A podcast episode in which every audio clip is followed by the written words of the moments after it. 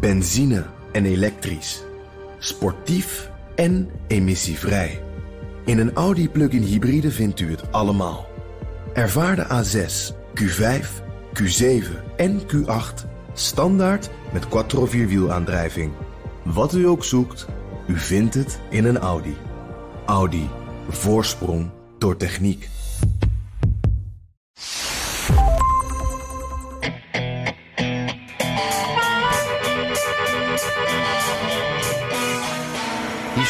Tijden. President Trump is de derde president in de Amerikaanse geschiedenis waarover de Senaat een oordeel mag vellen in impeachment. Hear ye, hear ye, hear ye. All persons are commanded to keep silent on pain of imprisonment while the Senate of the United States is sitting for the trial of the articles of impeachment exhibited by the House of Representatives against Donald John Trump, President of the United States. Ja, stilte, anders volgt gevangenisstraf. Nou, daar trekken die senatoren zich nog weinig van aan. Maar hoewel de Senaat nu druk in de weer is met impeachment, weten we eigenlijk al heel lang voor 99% zeker dat Trump niet als eerste president ooit zal worden afgezet. Dus waar kijken we nu eigenlijk naar? Welkom bij de Amerika-podcast, nummertje 18 alweer. Ook dat is historisch. Ik ben Jan Posma aan de keukentafel hier in Washington. En ik ben Bernard Hammelburg in de podcaststudio in Amsterdam. Zo, uitge zo dadelijk uitgebreid alles wat met die impeachment te maken heeft. Maar Jan, ehm, jij was maandag in Richmond in Virginia bij een grote wapendemonstratie. Je heeft veel over in de kranten gestaan. Er zijn veel foto's, enorme massa's hebben we gezien. Hoe was het? Ja, ja, dat was echt uh, wel wel raar hoor, Bernard. Het was een hele gespannen to toestand. Je hebt inderdaad die foto's gezien van allemaal zwaar bewapende mannen. Er waren overal wapens, uh, maar ook tegelijkertijd heel beleefde mensen. Door, door, megafoons werden echt best extreme dingen geschreeuwd. Maar als je dan tegen iemand aanliep, kreeg je drie keer excuses. Dus dat was een beetje gek. En nou, je moet weten, bij die demonstratie zelf mochten geen wapens naar binnen. Dus net buiten de hekken waren allemaal ja, mannen met semi-automatische AR-15's. van van die ja, eigenlijk militaire wapens. Die, ja, die ik alleen ken uit films en uit uh, computerspelletjes. Ja, maar dat, daar, daar kun je dus, daar kun je op je gemak uh, in, in drie seconden 150 mensen mee neermaaien. Uh, ja, inderdaad, klopt. Ja, ook bij die shootings, hè, dan zijn er dit soort uh, apparaten die gebruikt worden. Ja, horen ja, wij als Nederlanders denken dan dit hoort niet bij een burger uh, in huis. Maar goed, uh, en veel van die mannen waren ook in uniform. Uh, kogelvrije vesten, ze hadden van die oortjes in, helmen op, helemaal in camouflagekleding. Het was echt net alsof ze zo uit, uit Afghanistan kwamen. Het leek een soort warzone. En ik heb ook echt aan iedereen die ik sprak gevraagd, is hij geladen? Nou, elke keer werd er gelachen. Ja, natuurlijk, want zonder munitie is dit gewoon een stuk metaal. Dus daar werd ik ook niet veel rustiger van. En Bernard, veel van die mannen die waren lid van militie hè, een soort amateurleger eigenlijk. En die zien het hebben van wapens echt als hun burgerplicht. Uh, deze man bijvoorbeeld is een lid van een militie uit Pittsburgh. Die legt het goed uit. All the socialist states uh, throughout the world have always confiscated or took the guns away from their people. They can they have no way to fight back. Uh, that's what we have here. We actually have a means to fight back if necessary. Now, right now, it's not necessary. This isn't an act of force that we're doing today. It's just a show of force. It's a show that, hey, we're here to stay. We're the militia, and it doesn't matter what kind of anti constitutional, anti freedom, evil laws you pass. We will not back down. We will not stand down. Ja, Bernard, uh, hij legt het heel rationeel uit. Dat deden ze allemaal trouwens. Maar ondertussen zegt hij dus ook... als het ja, tweede amendement, hè, dat recht op, op wapens, zou worden afgeschaft... dan is dat onconstitutioneel. Dat betekent dat de regering die dat doet... eigenlijk niet de legitieme regering is. En dan mogen wij uh, met geweld uh, daarop reageren... en die, die regering ook omverwerpen. Dus ja. dan net buiten dat state capital... stonden allemaal mannen in militaire pakken... die eigenlijk heel rustig uitlegden... dat ze de regering om gaan werpen... op het moment dat zij hun wapens kwijt Ja, maar het aardige is, je hebt het nou over milities. Dit is een prachtig beeld, Jan. Omdat in dat tweede amendement, als je het helemaal leest... dan staat daar dat uh, de burger het recht heeft om wapens te bezitten en dragen... ten einde milities te vormen. En dat wordt dan uitgelegd als groepen die zich kunnen verzetten tegen uh, een regering als dat nodig is. Dat komt nog uit, uit de koloniale tijd. Dus je moest je, je moest, je, je, er is altijd een soort wantrouwen. Ja, maar misschien is een regering niet echt een regering, maar gewoon een dictatuur. En dan moet je je te weer kunnen stellen. Dus wat dat betreft, ja, ja je schetst een beeld. Vind ik ook met het geluid van die man die dat zo heel rustig en wat jij zegt ook wel sympathiek uitlegt. Ja, het is Eh, interessant, want ze geven eigenlijk, jij geeft een soort grondwettelijke analyse. Dat, dat is wat zij ook steeds doen. Ze grijpen terug naar de grondwet, Ja. de geschiedenis en van, van nou ja, de, uit de koloniale tijd, de tijd van de revolutie. En daarmee onderbouwen ze het heel erg goed. Eh, maar dat is dus ook wel een beetje een, een gekke tegenstelling. Want als je dan vraagt, oh, dat is honderden jaren geleden, moet dat dan nog steeds? Ja, zeker moet dat. Wij vertrouwen die overheid nog steeds niet. En eh, Venezuela werd veel genoemd. Kijk naar Venezuela. Daar mogen de mensen ook geen wapens hebben. En daar is nu één grote socialistische rotzooi. Ja. ja, dat is wel mooi, dat onderscheid. Tim Hart stelde een Twittervraag. Eh, hoeveel macht hebben die eh, milities? Ehm, Ja, ja, Ja, ik, ik, Bernard, ik vond toch wel, eh, eh, toen ik daar rondliep dus... het is intimiderend, ook richting eh, politici toe. En ik moet toch wel zeggen... en het waren, er waren 20.000 mensen op die demonstratie. zijn natuurlijk niet allemaal militieleden. Maar als je er dan een tiental spreekt... dan heb je toch wel het gevoel van... wauw, hier zijn er wel veel van. En, en ja, die politici zien dat dus ook. Dus dan heb ik toch wel het gevoel dat dit toch wel invloed heeft.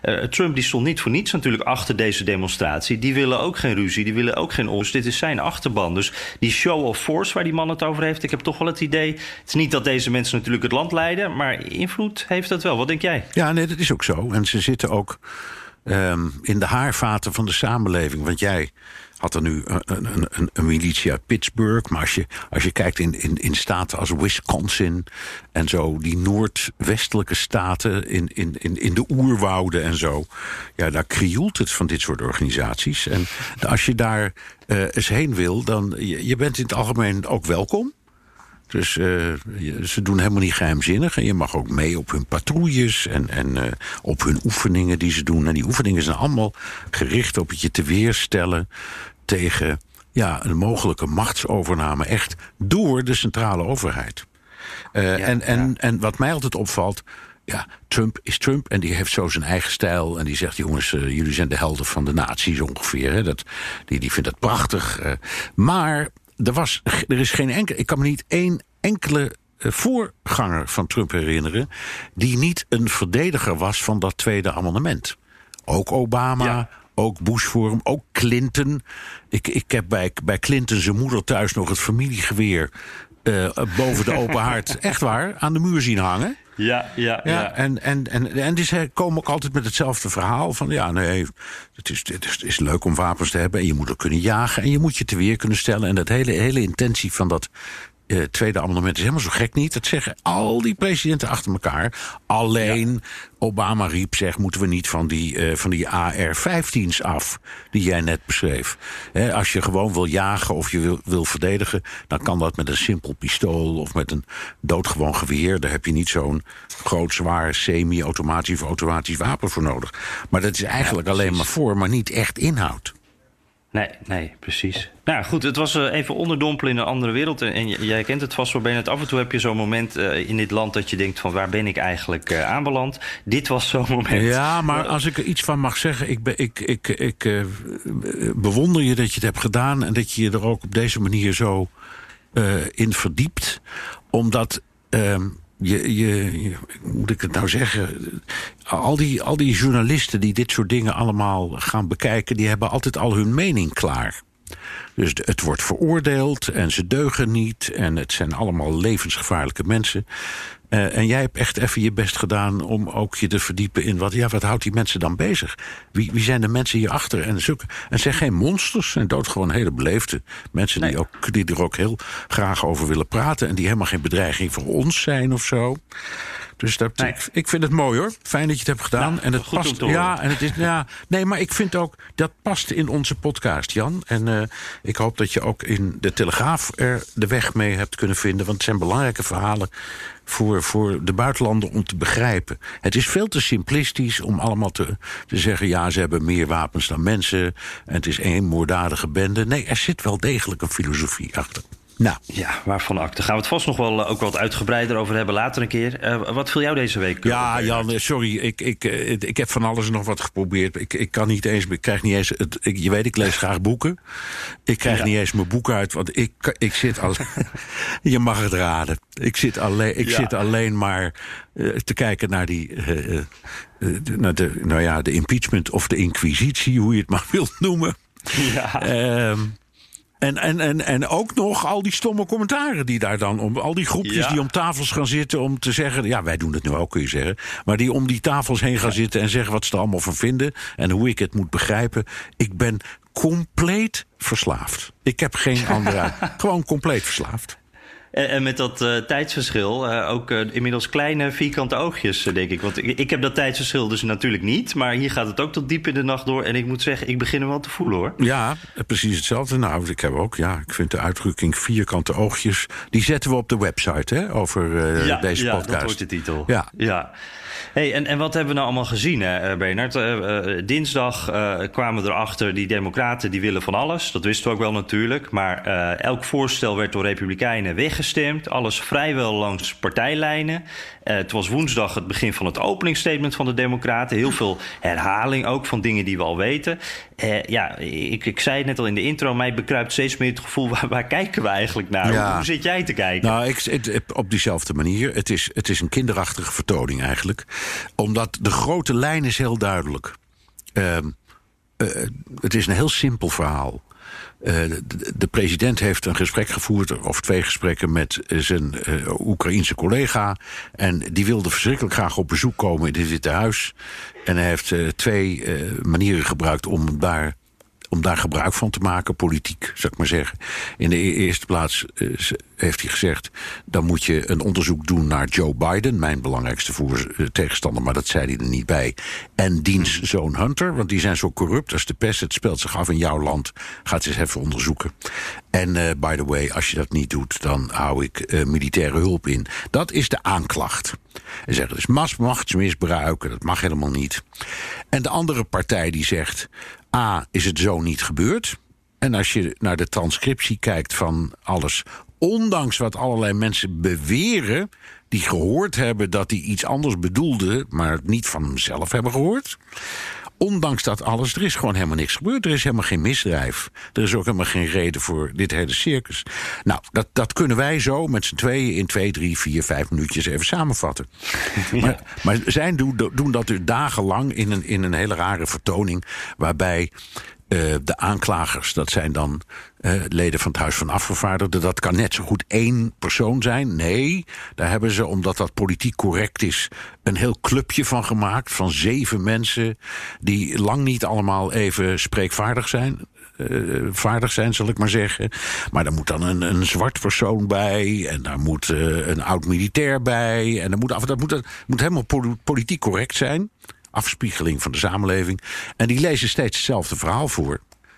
Eh, en dan komen er een paar, eh, vind ik, buitengewoon venijnige... en voor mij ook zeer ongeloofwaardige straatvechters. Dat zijn dan de advocaten van Trump... en die roepen dat het allemaal één grote leugen is. Daar komt het ongeveer op neer. Ja, ja daar, daar hebben we ook een mooi eh, voorbeeldje van. Hè? De, dit is de democraat Nadler. En, en gelijk daarna hoor je uh, Cipollone eh, van uh, Trumps team, zo'n straatvechter dus. I see a lot of senators voting for a cover up, voting to deny witnesses. An absolutely indefensible vote. Obviously, a treacherous vote. A vote against an honest consideration of the evidence of the, against the president. A vote against an honest trial. A vote against the United States. Mr. Nadler came up here and made false allegations against our team. He made false allegations against all of you. He accused you of a cover up. He's been making false allegations against the president. The only one who should be embarrassed, Mr. Nadler, is you for the way you've addressed this body. Ja. Ja, dit was, was dinsdagnacht. Hè? Daar, daar werden ze ook meteen uh, voor berispt door Ja, dat- uh, John Roberts. Heel de opmerkelijk. Hè? John Roberts is dus Ja. de, de president van het Hoge Rechtshof... die de, de, de zaak voorzit. En die greep in. Dat vond ik... Dat had ik eerlijk gezegd... Dat had ik, ik herinner me de Clinton-zaak nog. Dat had ik niet eerder gezien.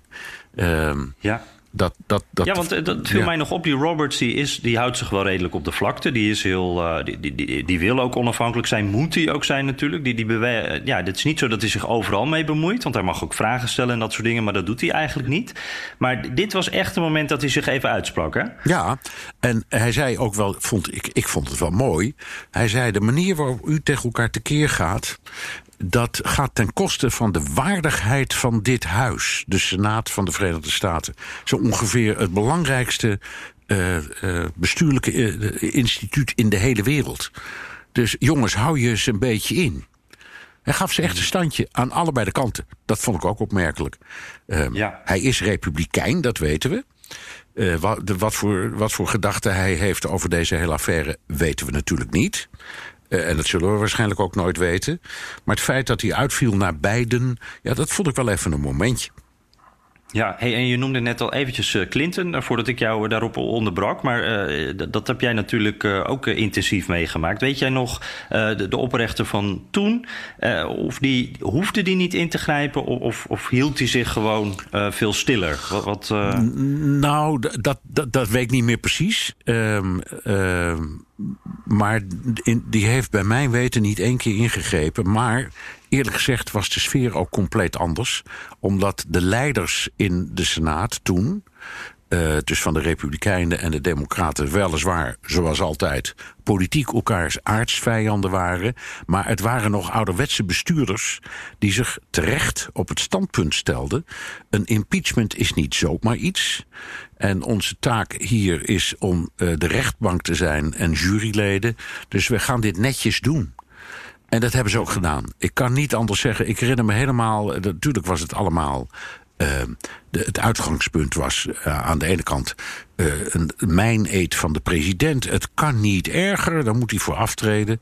En aan de andere kant zijn verdedigers die zeiden: Kom jongens, Um, ja, uh, hij is misschien wel of niet vreemd gegaan. Liegen we allemaal wel eens om of zo. Maar kom op, hè, laten we doorgaan. Dat was ongeveer de strijd.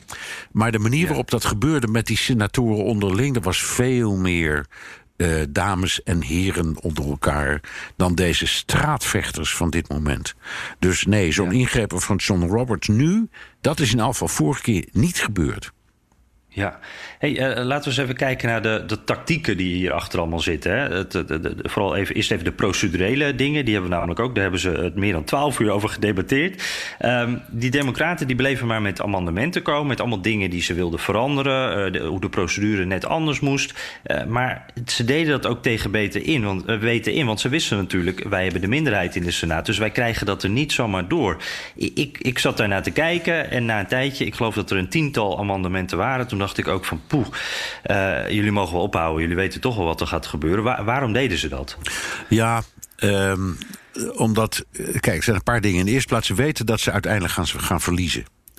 Um, en ze willen in elk geval naar hun eigen achterban toe de indruk geven dat ze hebben gevochten als leeuwen om iets waarvan zij zeggen: dit is de waarheid en het is ook rechtvaardig. Deze president is een schooier en moet aftreden. En ja, we weten dat we het niet gaan halen. Maar we doen ons stinkende best om zo goed mogelijk te laten zien dat we wel degelijk een zaak hebben. Moreel, politiek, maar ook juridisch. Um, en dan uh, kan het zin hebben om tegen beter weten in steeds maar. Eigenlijk was het ook steeds het, hetzelfde wat ze vroegen. Ja. Eh, maar dan, dan iemand anders die het vroeg en in net wat andere bewoordingen. Maar het ging om het vaststellen van de regels, om de spreektijd, om het aantal dagen. Waar, waar, waar overigens de Republikeinse leider uiteindelijk nog een beetje heeft toegegeven ook. Dat tot ieders mm. verbazing. Beetje meer spreektijd, dagje langer bekvechten.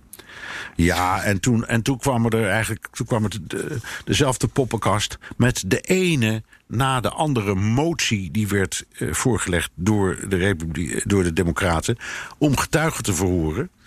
Ik geloof dat. En, en dat ging dan steeds over andere departementen. We willen, ja. we willen materiaal zien van het ministerie van Buitenlandse Zaken. Want dan kun je zien wat voor uitwisselingen er allemaal zijn geweest. Maar pas op, we willen ook uit, materiaal zien van het ministerie van Energie. Want daar zat, daar zat toen meneer Rick Perry en die heeft daar een belangrijke rol in gespeeld. Oh, we willen ook materiaal zien van. Uh, en zo kwam het een na het ander. Maar het was steeds hetzelfde verhaal. En de verhouding in die Senaat is 53 tegen 47. Dus alles werd uh, gewoon weggestemd. Ja, ja. Uh, en toen, ik vond eerlijk gezegd dat, dat uh, McConnell, de leider van de Senaat en van de Republikeinen, nog op wel een paar handigheidjes uithaalde. Door bij een aantal van die uh, mislukte moties ook, de, ook in de stemming te brengen of dat zou worden opgeschort. Dat noemen ze tabling. Dus Ja. hij deed dat is heel slim politiek. Hij zei: jongens, als er ooit of door wat voor omstandigheden nog eens eh, als de zaak anders wordt, over een week of over twee weken, dan heb ik niet alles geblokkeerd. Dan kunnen er misschien ook nog wel getuigen komen, maar nu niet. Ja. Dus hij, hij deed dat politiek heel handig, maar inhoudelijk was het 0,000. Ja, ja, ik had ook het idee, die democraten die hadden vooral in het begin heel duidelijk eh, door, wisten ze van wacht even, die camera's die lopen, er kijken nu ook nog mensen. Dus die hebben wel slim hun, hun, hun case nog eventjes neergezet. Ehm, maar verder was het eh, eh, ja, ook een poging, denk ik, om nog een beetje eh, nu de boel nog onder druk te kunnen zetten. Want die democraten hopen nog dat ze later, straks na alle verklaringen, dat er dan nog een keer gestemd gaat worden over extra getuigen. En ik denk dat dit een soort voor, ja, voorstukje daarvoor was om die druk alvast wat op te voeren. Nu kan het nog.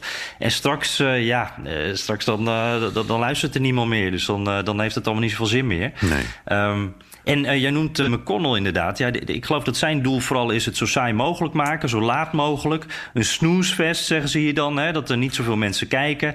Eh, ik zag op Fox News ook al voorbij komen van ja, niemand kijkt, het is heel saai. Waar gaat het eigenlijk over? Wat natuurlijk niet zo'n goed argument is bij een impeachment. Maar toch, ik denk wel dat dat werkt. Die McConnell, die pakt het wel slim, slim aan, hè?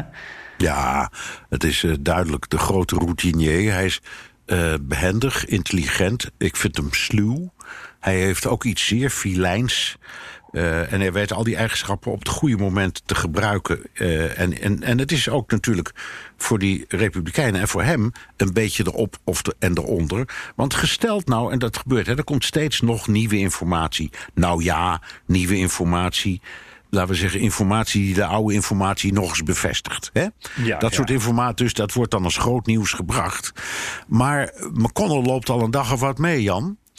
Ehm, dus die denkt, ik ben eh, geroutineerd genoeg om te weten dat er altijd nog een konijn uit de hoge hoed kan komen. En ik dek me in. Dus als het zover eh, moet komen, dan mag er alsnog een getuige komen. Eh, en als, als die democraten erin slagen om vier leden van mijn fractie los te weken... ja, dan moet ik zorgen dat ik de wapens klaar heb liggen. En dat doet hij goed. Dus een combinatie van uitputting, redelijk schijnen op het moment dat dat nodig is, hard zijn op het moment dat hij het zelf nodig vindt. Ja, het, ik vind dat hij het spel geweldig speelt. En je ziet ook de machteloosheid van de Democraten. Want eh, eh, Chuck Schumer, de leider van de Democraten, ja, die kan er helemaal niet tegenop. Ik, ik- ik moet zeggen, de enige die ik aan de democratische ehm, kant een eh, werkelijk grandioze rol vond spelen, was Adam Schiff, de hoofdaanklager, dus lid van het Huis van Afgevaardigden, die de zaak aan het rollen bracht. Die vond ik echt pleiten als een ijzersterke advocaat in een goede Amerikaanse speelfilm. Ook, ook Ja, dat. heb je het over zijn performance. Zijn hè, hoe die perfor- ja, maar ook. Oh, ja, maar, ja, ik, vond, ik vond het ook inhoudelijk heel goed. De manier waarop die, de manier waarop die het juridisch, moreel en politiek neerzette, was voor een kijker die op dat moment nog geïnteresseerd was, best interessant. Dus hij benoemde het ook. Dit gaat, dit gaat veel verder. Jullie wuiven dit allemaal weg alsof er niks is gebeurd. Er is echt iets aan de hand. En ik vond dat hij dat goed en gepassioneerd deed. Maar nogmaals, uiteindelijk haalt het niks uit. Nee, nee, want aan beide kanten blijven de rijen echt eh, gesloten. Je zag ook bij die stemmingen eh, elke keer op, op één zon, uitzondering na. eh, elke keer was het precies volgens die partijlijn. Er was één keertje dat Susan Collins met de Democraten meestemde. Dat was over iets wat kleiners. En dat maakte uiteindelijk ook helemaal niks uit. Wist zij ook wel natuurlijk. Dus ja, als ik het zo zie, McConnell houdt de rijen echt gesloten. Iedereen blijft gewoon achter hem staan.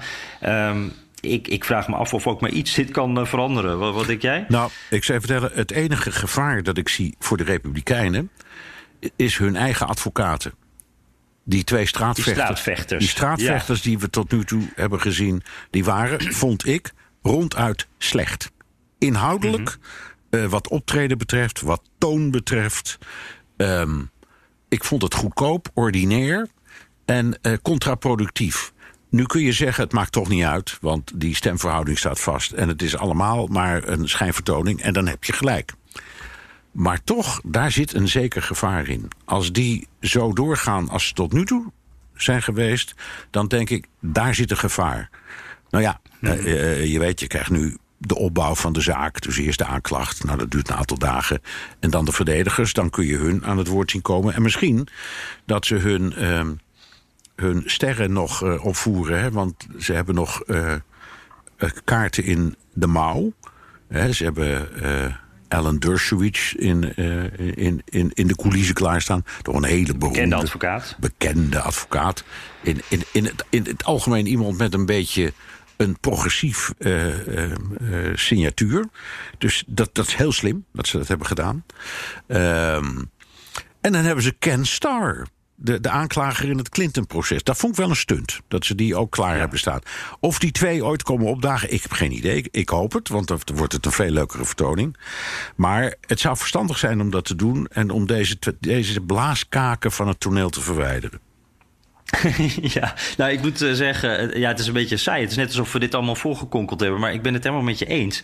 Uh, ik, ik zat naar die Cipolloni te kijken en die was als een, uh, een soort boze dominee was hij aan het oreren. En het deed me erg denken aan een paar, van die, een paar republikeinen in, in het Huis van Afgevaardigden tijdens die hoorzittingen. Dat je die uh, Jordan bijvoorbeeld, die, die ja. ook steeds boos was. En dat is best, vind ik persoonlijk, vervelend om naar te luisteren. Dus je krijgt iemand die steeds heel verontwaardigd is, boos is. Uh, het is allemaal zo oneerlijk. En dan denk ik, uh, ja, wat jij ook schetst. je bent advocaat, vertel nou gewoon wat het verhaal is. Ik denk dat daar, daar zitten twee dingen in. Het is natuurlijk de stijl van Trump die we ook terugzien. zij, zij doen dit ook met, denk ik, de president in het achterhoofd. Die moet tevreden gehouden worden. En het is ook wel het verschil, denk ik, tussen aanval en verdediging. Um, die democraten die, die hebben nog, uh, ja, die, die, moeten nog wat. Die hebben nog wat te winnen. Die staan eigenlijk een beetje 1-0 achter. Die, die moeten wat proberen. Dus die zijn heel erg uh, in detail aan het gaan. Die proberen echt inhoudelijk hun verhaal te maken. En tot nu toe, wat de Republikeinen eigenlijk doen, die, die hoeven denk ik ook nog steeds niet zoveel meer te laten zien dan alleen ja, wat we allemaal al gehoord hebben. Van dit is allemaal oneerlijk, het is politiek. Um, Waarom doen we dit eigenlijk? Uh, dus ik denk inderdaad wat jij zegt dat die nog niet het achterste van hun tong hebben laten zien. Ook omdat dat gewoon nog niet nodig is. Uh, en ze hebben gewoon een ander doel, want zij hoeven eigenlijk geen Republikeinse senatoren te overtuigen. Ze hoeven ze alleen uh, de kikkers in de kar te houden. En ja. ik denk dat de mensen thuis, daar hoeft ook niet zoveel overtuigd te worden. Terwijl die ja. democraten, die hebben nog echt wat, wat werk te verzetten. Ik hoorde iemand in, ik geloof Washington, zeggen we moeten ook niet vergeten dat dit een voorstelling is met één toeschouwer. Ja, audience of one. Een audience of one, dat vond ik ook wel een hele mooie ja. hoor. Want het is natuurlijk, zeker deze mensen, daar heb je gelijk in, die staan gewoon op te treden voor hun baas. En al, die, al die republikeinen ook. Dus, dus dat, dat is wel een beetje zo. Hey, één dingetje, want jij zei van Schief, goed gedaan. Uh, die, die, die, die, die, die, democraat. Uh, vond ik ook inderdaad gepassioneerd, inhoudelijk. Het zat gewoon heel goed in elkaar, ook wat hij vertelde. Er zat echt een lijn in. En dat, dat mis ik wel eens een beetje bij die, die Cipolloni bijvoorbeeld. Die, die, ja, die, die oreert dan over hoe boos hij is, maar er zit, er niet echt, zit niet echt een soort structuur in. Um, maar ik vond ook één moment wat minder sterk van de Democraten. Dat was toen ze dit, uh, deze zaak aan het Rusland-onderzoek linkten. En zeiden ja. van, nou ja, er, er, waren toen ook al, uh, weet je, er waren contacten. Oekraïne en Rusland, dat is natuurlijk ook duidelijk. Dus de, hier zit ook een link in. En toen dacht ik, oh, dit is niet handig. Nee. Want nu gaan de Republikeinen dit natuurlijk gebruiken. Ja. Van, uh, dit is het zoveelste. Na dat, dat mislukte Rusland-onderzoek zie je wel, dit, ja. dit hoort er gewoon bij. Ja, en het was, je hebt gelijk, en het was gewoon een foute formulering. Want wat ze wilden zeggen uh, en daar zit misschien ook wel wat in, vanuit hun standpunt in elk geval.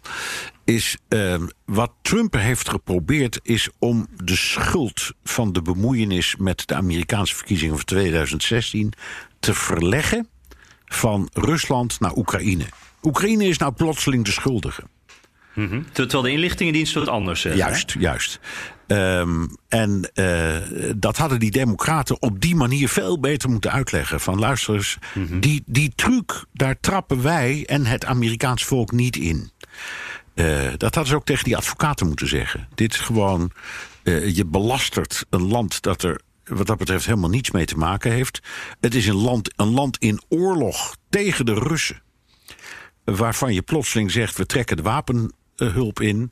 Uh, en je schuift ze ook nog de, schoenen en, uh, de schuld in de schoenen. voor het verlies van Hillary Clinton. en de overwinning van Don Donald Trump. Zijn jullie een beetje gek geworden? Maar dat deden ze niet. Dus ze gingen inderdaad het Mueller-onderzoek koppelen aan uh, dit onderzoek, ja, dat is onhandig. Ja, dat, ja. Dat je zag dan... ook meteen hè, dat op, op Fox News en, en op ja. social media werd dat dan gelijk gedeeld. Dan ja. heb je door zoveel uren gedebatteerd en dit stukje wordt eruit gepakt. Ja, ja maar hij had gelijk. Ik bedoel, als ik, ik, als ik bij Fox News uh, uh, redactie had zitten doen, dus wat zit je dan? Dan zit je te wachten op de leuke quote. Had ik dat stuk ook gepakt? Ja, ja, ja. ja ik snap ze ook wel hoor. Ja, hey, en uh, even kijken hoor. Uh, ja, ik, ik, jij noemde eerder, we hebben het al eerder even kort over de Clintons uh, gehad, hè? Ja. En, um, of over de Clintons, ik bedoel meer de Clinton impeachment. Eén um, ding wat ik daar nog bij dacht, want jij, jij schetste net ook al, toen werd er op een andere manier met elkaar omgegaan. ik, ik, Trent Lott en Tom Daschle, hè? Die, die ja, dat waren een beetje zo. Ja, maar dat waren super gentlemen. Allebei. Ja, ja. Dat is een beetje de ouderwetse senaat, toch? Wat we nu ja, eigenlijk niet meer zo hebben. Ja, ja, dat was ook meer wat, dan, wat ze vaak noemen de chambre de réflexion. Dus dat, dat, dat was veel minder een politiek orgaan uh, dan het nu is. In elk geval stonden ze niet zo hard tegenover elkaar. Um, maar oké, okay, um, het was ook een. Ja. Er was, er was dus. Er werden pogingen gedaan om te zeggen.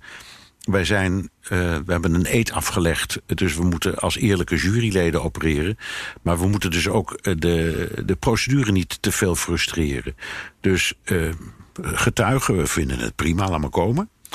Uh, die, die komen dan overigens nooit live voor, die komen daar niet staan. Maar dan, dat zijn dan of documenten of stukjes video. Van, dat heette dan depositions, maar getuigenverklaringen die zijn opgenomen. Maar dat hebben ze allemaal toen toegelaten. En dat maakte de zaak eigenlijk, ja, uh, niet, niet minder spannend, maar wel ontspannender. Dus ze hoefden niet voortdurend te letten op de partijpolitieke kant van dit verhaal. Ze konden zich veel meer concentreren op de inhoudelijke kant van het verhaal. Van beide kanten. Uh, en, en dat is uh, in deze constructie niet, niet mogelijk. Van weerskanten niet. Want het kan best zijn dat er ook democraten die, zijn die zeggen: ja, eerlijk gezegd. Is het nou allemaal zo erg wat hij heeft gedaan in dat telefoongesprek? Dat kan best. En misschien zijn er ook republikeinen die denken: ja, deze man heeft zich zo misdragen, eigenlijk moet hij weg. Maar in deze constructie kun je dat soort dingen allemaal niet meer openlijk zeggen. Ze hebben zich ingegraven. Het is nu een soort loopgravenoorlog. Um, en die, dat was in die, in die Clinton-impeachment absoluut niet. Um, het was wel trouwens in de opmaat naar de Nixon-impeachment... die er uiteindelijk niet is gekomen. Dat was ook wel een beetje een loopgravenoorlog, hoor. Eerlijk. Eerlijk is eerlijk. Ja, ja lekker maar toen waren er toch uh, republikeinse senatoren... die ook naar, naar Nixon zijn gestapt van... ja, wij kunnen je niet meer steunen. Nee, toen maar, was er nog wel... Nee, maar het was ja. natuurlijk ook veel ernstiger... omdat... Uh, uh, de, voor de, de, de, omvang van het machtsmisbruik zo groot was. En dat was, was zo onomstotelijk bewezen... Uh, het stond allemaal op band. Je kon het de president allemaal zelf horen zeggen. Dus ze konden, ze konden toen niet meer anders. En, en, en Nixon zelf zag dat ook in en is afgetreden, zoals je weet. Maar goed, toen, toen, toen, toen, toen, was, ook, toen was het ook wel heel hard hoor. Heel hard tegen elkaar. Maar in, de, in die Clinton-affaire was het allemaal. Inhoudelijk was het uh, minstens net zo spannend als, als nu. Of saai, het is je naar kijkt. Maar wat omgangsvormen betreft, nou, daar kunnen ze hier nog een punt aan zuigen. Ja, ja. En, en ik, ik, ik, moest, ik zag vanochtend een fragmentje en toen moest ik hier dus even aan denken. En toen dacht ik van, was er toch niet de mogelijkheid om dit anders te doen? Um, Lindsey Graham, hè, bekende republikein, staat achter Trump in deze zaak. Uh, in de wandelgangen uh, komt Schiff tegen, de democraat. En uh, Graham complimenteerde Schiff met zijn, zijn eloquente openingsstatement. ja. Nou, heel vriendelijk, ze geven elkaar de hand, lachen naar elkaar. Toen dacht ik bij mezelf, je staat de hele dag met elkaar ruzie te te maken. En achter de schermen ga je dus wel vriendelijk met elkaar om. Hoe kan het nou dat in de jaren negentig dat dan toch kan leiden tot, tot iets van een geciviliseerde manier van met elkaar omgaan, ook in die Senaat, en dat dat nu niet meer iets Nee, is? je- Hadden ze dat toch niet moeten proberen? Nou, nee, maar je noemt wel twee goede voorbeelden overigens. Want eh, Lindsey Graham is nog van die oude soort. En Adam Schiff is weliswaar een generatie jonger, denk ik. Maar dat is ook nog wel een gentleman. Eh, maar het, het, het- ja, de, hele, de hele Amerikaanse samenleving is gepolariseerd. Ik, ik, ik zeg wel eens, het is alles is binair geworden. Het zijn of nulletjes of eentjes. Er zit niks meer tussenin. En of dat nu gaat om een impeachmentdebat... ehm, of het gaat om een rechtszaak... eh, waar, waar, waar, waar dit soort tafereelen ook elke dag gebeuren. Of het gaat om eh, de manier waarop verschillende opvattingen binnen het bedrijfsleven met elkaar omgaan. Het is meer en meer en meer aan het polariseren. En dat, is, dat vind ik een hele zorgwekkende ontwikkeling. En de politiek is daar een afspiegeling van. Ja. En, en nog iets wat in die eh, zaal wel opviel, die Cipollone, eh, de, de, de, straatvechter, eh, hij loog ook een paar keer over dat bijvoorbeeld die republikeinen niet bij die besloten verhoren mochten zijn in, in het onderzoek in het Huis van Afgevaardigden. Kwamen meer dingen voorbij. Ehm, dat is toch een, een, een lastig iets. Dat je in een rechtszaal staat en die advocaat die kan zeggen wat hij wil. En eh, eh, die soundbites die worden natuurlijk op Fox News herhaald. Eh, de andere soundbites niet. Het wordt ook weer zo'n typisch Ja. onze waarheid tegen jullie waarheid verhaal. Ja, ja dat is waar. Ehm, ik, ik moet altijd denken aan wat jij mijzelf hebt geleerd over de methode van Steve Bannon. Hou, Ja. gewoon, hou gewoon vast, ook als je weet dat het een leugen is. Dat gebeurde hier ook. Het ging dan om een van de zittingen van het huis aan het begin van de impeachmentprocedure. die er in een kelder is gehouden en waarvan de Republikeinen riepen: we mochten er helemaal niet bij zijn. Wat gewoon niet waar was. Alleen ze mochten er niet allemaal bij zijn. Alleen die ene commissie waar het speelde was erbij, maar die heeft ook Republikeinse leden. Dus het was een leugen, een frame. En dat zette inderdaad deze man met die naam van een ijsje eh, opnieuw op. Doe op bijna wielrennen, denk ik. ja, wel, ja, ja, maar dat zet, dat, zet hij, dat zet hij dan gewoon neer. En dan denk je inderdaad, een advocaat die daar staat te liegen. Ik vind het allemaal. Het, het- ja, nou, het is, het is treurig. Ja, ja. Eh, we kregen een eh, hele goede luisteraarsvraag van eh, Vincent Hamersma. Een hele terechte vraag. Ik hoorde het ons net ook weer een paar keer zeggen. Waarom zeggen jullie steeds dat jullie op het puntje van jullie stoel zitten? Het is allemaal helemaal niet zo spannend. Ik snap dat het een tijd geleden is dat dit proces heeft plaatsgevonden. Dat het een hele poppenkast wordt met, met rechter, hoogrechtshof. Maar waar moet ik nou nog op letten voor spanning? Want hij zegt het is eigenlijk helemaal niet zo spannend. En ja, ja, we hebben net wel verteld dat we dus ook niet altijd op het puntje van onze stoel zitten, Vincent. Maar ja, wel, wel een goed punt. Er gebeurt niks nieuws, Bernard. Wat is er nou nog spannend aan? Ja, ehm, ehm, het wachten of het toch komt. Ja, Ehm, beetje als een voetbalwedstrijd. Hè? Ja. Het is- Het is 0-0. Je, Ja. je weet niet wat er gaat gebeuren. Ja, en ook als je fan bent van een team dat niets anders doet dan verliezen, blijf je toch op de tribune zitten elke wedstrijd. Eh, of winnen, hè, dat maakt niet uit. Maar eh, de- de- de- ook als je weet, ik, ben, ik zit bij het winnende team, blijf je ook zitten. Dus dat zit er wel een beetje in. Maar er zijn wel een paar andere dingen. In de eerste plaats, we hebben allemaal. ehm, en dat, ik denk dat het voor Vincent niet anders is dan voor jou en mij ook wel een heel klein beetje historisch besef. En ik, gebruik, ik heb een bloedhekel aan het gebruik van het woord historisch in ons vak. Maar dit is het gewoon. Het is pas de derde. begonnen, deze podcast. Ja, dus, eh, het is pas, het is pas Ja. de, tweede, de, derde, de derde keer in de Amerikaanse geschiedenis dat er een president is impeached. Want dat is hij. En ook als hij vrij wordt gesproken, dat blijft hij. Dat is iets. En dan is er nog wat. Ja, ik, ik, wij zijn natuurlijk een beetje politieke junks, dus we houden van debatten. Maar je denkt, deze vorm van debat in, in, op, zo georganiseerd en zo gedaan, dat, dat maak je eigenlijk nooit mee. Dat, dat, dat komt één keer per generatie voor. Ehm, en als je, zoals ik, al heel oud bent, dan heb je de mazzel dat je voor een stukje bij de vorige generatie hoort. Dus ik heb Clinton dan ook nog net meegemaakt. Maar eh, eh, het komt bijna nooit voor. En Nee. ehm, je moet ook niet vergeten, we zitten in een verkiezingsjaar. Dus we spiegelen dit steeds. En dat is ook heel belangrijk voor onze podcast. We werken echt toe naar 3 november. Dus wij kijken ook, tenminste ik, heel sterk naar dingen. Oké, wat, wat zou hier als derivaat in die verkiezingsstrijd nog overblijven? Ja. Eh, zijn, zijn, er, zijn er dingen eh, waar eh, Trump, denk ik, vooral mooi weer mee gaat spelen. En die zijn er. Eh, zijn er dingen waar. Want ook in Californië zijn voorverkiezingen en verkiezingen. Vergeet niet, hè, we hebben ook verkiezingen voor het Huis van Afgevaardigden en de Senaat op 3 november. En daar kijken mensen als Schief eh, met zijn voorstelling heel goed naar. Die vertegenwoordigt de staat Californië en die moet gewoon herkozen worden. Dus dat zijn ook dingen waar ik allemaal naar zit, over zit na te denken. Eh, Ja. Dus dat, dat alles bij elkaar, denk ik, ik maak iets mee. Ja, het is bijzonder en dit gaat heel lang niet meer gebeuren. En, en, en, ik, en goh, wat, dat ik dit mag meemaken, dat gevoel heb ik altijd bij dit soort spannende dingen. Ehm, en, en ja, wie weet wat voor, wat voor eh, gevolgen het heeft voor de verkiezingen. En die zijn er zeker. Denk je niet? Ja. Ja, nee, zeker. Dat denk ik ook. Ik vind zelf trouwens ook, daar hebben we het ook al een beetje over gehad, die interne spanningen binnen beide partijen. Vind ik ook spannend. Blijft iedereen eh, Ja. achter de leider staan? En, en ja, het is inderdaad een, een springschans eh, naar de verkiezingen eigenlijk. En dat zie je ook al een beetje in de, eh, bijvoorbeeld de reden, waar, een van de redenen waarom Republikeinen dit zo snel willen doen. Die willen graag voor begin februari klaar zijn. Want dan is de State of the Union.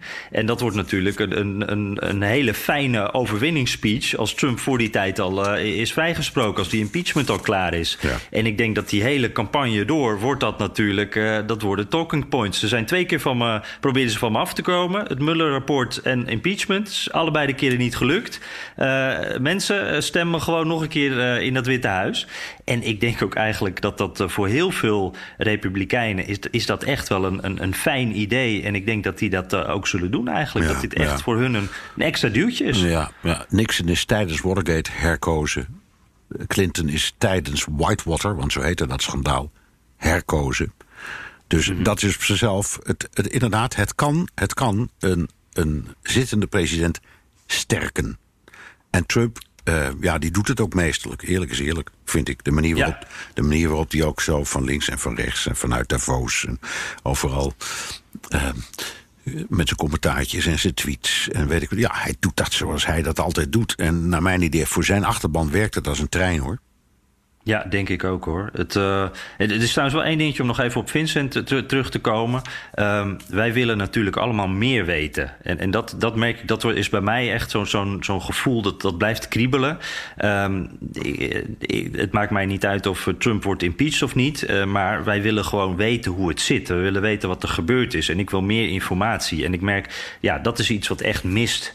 Eh, in dit gedeelte in ieder geval. Op dat punt wil ik graag nog wel meer Ja. getuigen horen. Want dan horen we nieuwe dingen. En ik wil gewoon weten wat de details nou precies waren. Ja, ja en wat dat de is waar. gevolgen dan ook zijn. En, en, en oké, één dingetje daarover. En eh, ik denk ook, als ik nou republikein was, hè, waarom hou ik dat eigenlijk tegen? Want als ik er zo van overtuigd ben dat ik gelijk heb en dat mijn president gelijk heeft, laten al die getuigen vooral komen.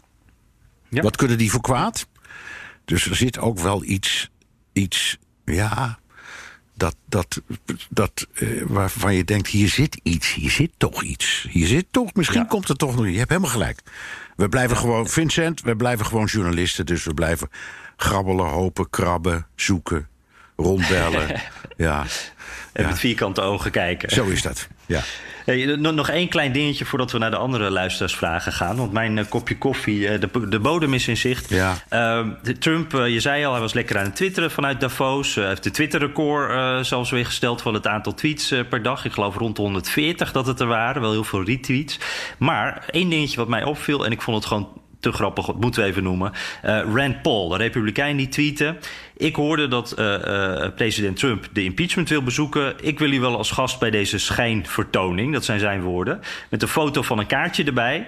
Eh, daar was meteen natuurlijk een beetje reuring over. Van wauw, dat zou toch wat zijn als president Trump langs zou komen. Ik, ik weet niet hoe dat dan zou gaan. Of hij dan op de, ja, dan moet hij op de publieke tribune gaan zitten.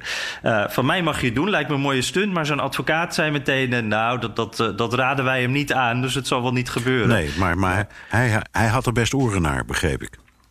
Ja, ja, een showtje gaat hij niet uit de weg natuurlijk. Tuurlijk. En ik moet zeggen, dat is een beetje mijn... Ik weet dat het niet gaat gebeuren, maar ik, zou, ik hoop toch zo dat het wel gaat Ik gebeuren. ook, me zo fantastisch. Ach, de hele wereld zit daarop te wachten, denk ik hoor. Ja. Dat denk ik ook, ja. Ehm, even kijken, hadden we nog dingen of zullen we eens naar de luisteraars vragen? Ja, doe, doe maar. Want we hadden nogal wat en we hebben eigenlijk geen tijd meer. Dus laten we er nog Nee, wat nee, klopt. Nou, gaan we even een paar doen. En, en jongens, wie we niet deze keer meepakken... want we vinden het echt heel erg leuk dat jullie al die vragen sturen. Wie we, waar we deze week niet aan toe komen... die pakken we dus uh, bij de volgende uh, aflevering. Dat is over twee weken. Dan kom je alsnog aan de beurt. Uh, Robert van den Eertweg. die komt in ieder geval wel aan de beurt via de mail. Um, hij vertelt, uh, begin 2018 heb ik een klein bedrijfje in Utah overgenomen. Uh, hij is heel vaak in de VS. Maar, zegt hij, waar ik me wel aan erger is het gebrek aan goede journalistiek. Uh, of in ieder geval mijn gebrek aan het vinden hiervan. De zogenaamde nieuwszenders op tv kijken lijken alleen maar gepolariseerd te zijn en er niet op uit om objectief nieuws te brengen. Ook lijkt het allemaal om Trump te gaan, wat natuurlijk interessant is, maar er is zoveel meer. Dus zijn vraag: wat uh, zijn volgens jullie een paar goede Amerikaanse nieuwsbronnen van objectieve journalisten over uh, geopolitieke onderwerpen? Ja, ik, ik zeg meteen mijn favorieten. Dat is uh, allebei publieke omroep, moet ik zeggen. Dat is NewsHour, dat is eigenlijk dat is het journaal van, uh, ja. van PBS, de, de, Public Broadcasting Service, elke avond. Steengoed. Ik vind ze ja.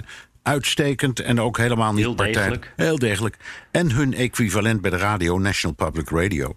Een programma als All Things Considered. Um, dat is de actualiteitsrubriek van NPR. Daar luister ik met heel veel plezier van naar. En daar word je helemaal niet uh, heen en weer gesleurd tussen al die extremen. Integendeel. Nee, helemaal mee eens. Vooral NPR ben ik ook echt wel fan van. Hebben ook goede podcasts. Ik wil je natuurlijk niet bij ons uh, weghalen, maar zij doen dat echt heel goed. En uh, ja, en dat is een groot contrast met die tv-zenders. Want dat is inderdaad, ja, we volgen er het, nieuws overdag zo wel een beetje op. Maar je wordt gek van het paneltje na het paneltje na het paneltje. Uh, het is een soort eeuwige voetbalwedstrijd die altijd wordt voor- of nabesproken. Um, en uh, ja, ik, ik, kijk zelf nog voor, voor echt niet-Trump-verhalen zoek ik ook veel in regionale kranten. En, en als ik ergens ben, ook in Richmond bijvoorbeeld maandag, dan, dan kijk ik even naar de lokale krant daar. En, en daar vind je dan toch weer hele andere verhalen die veel verder gaan dan CNN of Fox. En wat mij ook wel opvalt, de Wall Street Journal, uh, die, die, las ik in Nederland niet zo. Daar ben ik in Amerika mee begonnen. Die hebben vaak ook wel originele invalshoeken. Dat verwacht je daar misschien niet meteen zo, maar dat is echt soms best een originele ja. krant. En, ja, het is heel waar. Het is, een ja. het is een republikeinse krant, maar hij is steeds meer anti-Trump. Dat is gek. Dat klopt. Ja, ja heel opmerkelijk. En dat geeft een aparte mix. Dat heb je bijna nergens. Ja, maar ook ja. over als het uh, economische verhalen gaan ook heel vaak over de maatschappij en over gewone mensen. En daar kiezen zij ook weer vaak voor. Dat ja. maakt het echt leuk. Oké, okay, nou. En uh, ja, nou, dat, dat dus. Ja. Volgende. Ja, nog even, nou, doe nog maar eentje. Maar ik, er, staat, er staat een groep boze mensen hier door het glas oh, te nee. kijken. Die, die, willen, die willen de studio in, Jan. Ja. Nou, is, uh, René Wentink heeft dan mazzel. Um, even kijken hoor. Ik probeer hem een beetje in te korten als trouwe luisteraar van de Wereld en de Amerika-podcast. Nou, altijd mooi. Luister ik altijd in de auto naar mijn werk, uh, naar huis of tijdens een wandeling.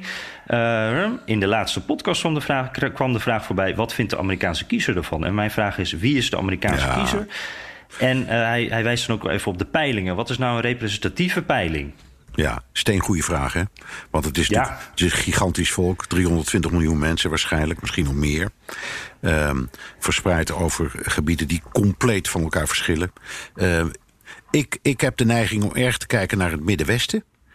Uh, dus de hele strook die loopt van Chicago uh, via Montana, zo, ik zal maar zeggen, naar uh, Noord-Texas, Kansas, dat soort staten. Die zijn, daar, dat vind ik een beetje de gemiddelde Amerikaan. En ik probeer zo min mogelijk te kijken naar de Amerikanen in de steden, die je ook ziet schreeuwen in de talkshows. Dus heb ik daar gelijk in? Nee, want ook dit is, een, is veel te simpel. Dus ik, ik ja. weet het gewoon niet. Uh, maar om het te begrijpen is het beter om naar iemand te kijken uit Montana of uh, Kentucky. Uh, dan naar iemand uit Washington of Los Angeles. Zeker, ja, om, om Maxima dan maar even te citeren. Hè. De Amerikaan bestaat eigenlijk nee, niet. zo is dat. Ah. Nou, hey, nou we eindigen altijd met ja. iets Nederlands. ja. Heb je nog iets leuks? Ja, ik heb uh, twee dingetjes gewoon uh, die, die me opvielen. Omdat ze gewoon enorm veel media-aandacht uh, hier kregen. Twee hele verschillende verhalen. Twee Nederlanders in het nieuws. De ene is echt een ster, Nikki Tutorials. Dus die YouTuber. Die vertelde de wereld dat ze transgender is. Die zat bij Ellen DeGeneres. Wat echt een grote talkshow is hier in Amerika. En ze maakte echt grote indruk. Dat is echt, ja, ze was de ideale talkshow-gast. En, en die vrouw, zij, zij is natuurlijk op, op YouTube alle wereldster. Maar op de Amerikaanse tv was ze dat ook zeker. was heel veel aandacht voor. En een hele andere, wat ik, waar ik erg ja, geamuseerd naar heb gekeken... Anthony de Kaluwe. Dat is die Nederlander die in de Oekraïne-verre oh, verstrikt raakte. Ja, apart verhaal. Hij verstuurde berichtjes naar de mensen rond Giuliani... dat de ambassadeur in Kiev werd eh, geschaduwd. Hij zou ervan weten. En hij zegt nu, ja, dat was een grapje. Uh, en iedereen hier in Amerika, elke journalist wilde weten... wie die Dutch Trump-supporter was.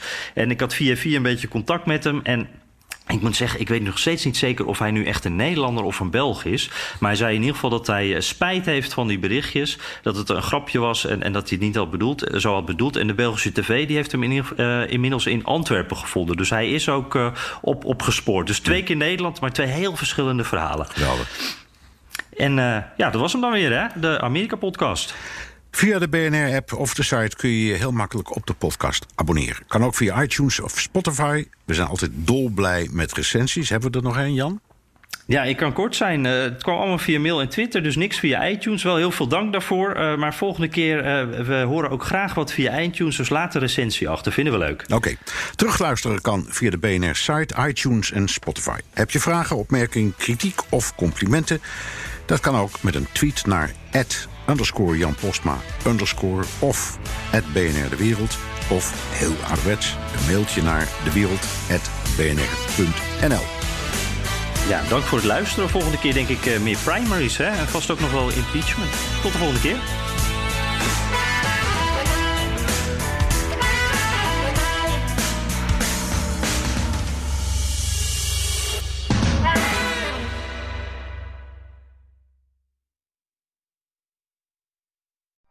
Benzine en elektrisch. Sportief en emissievrij. In een Audi plug-in hybride vindt u het allemaal. Ervaar de A6, Q5, Q7 en Q8 standaard met quattro vierwielaandrijving. Wat u ook zoekt, u vindt het in een Audi. Audi.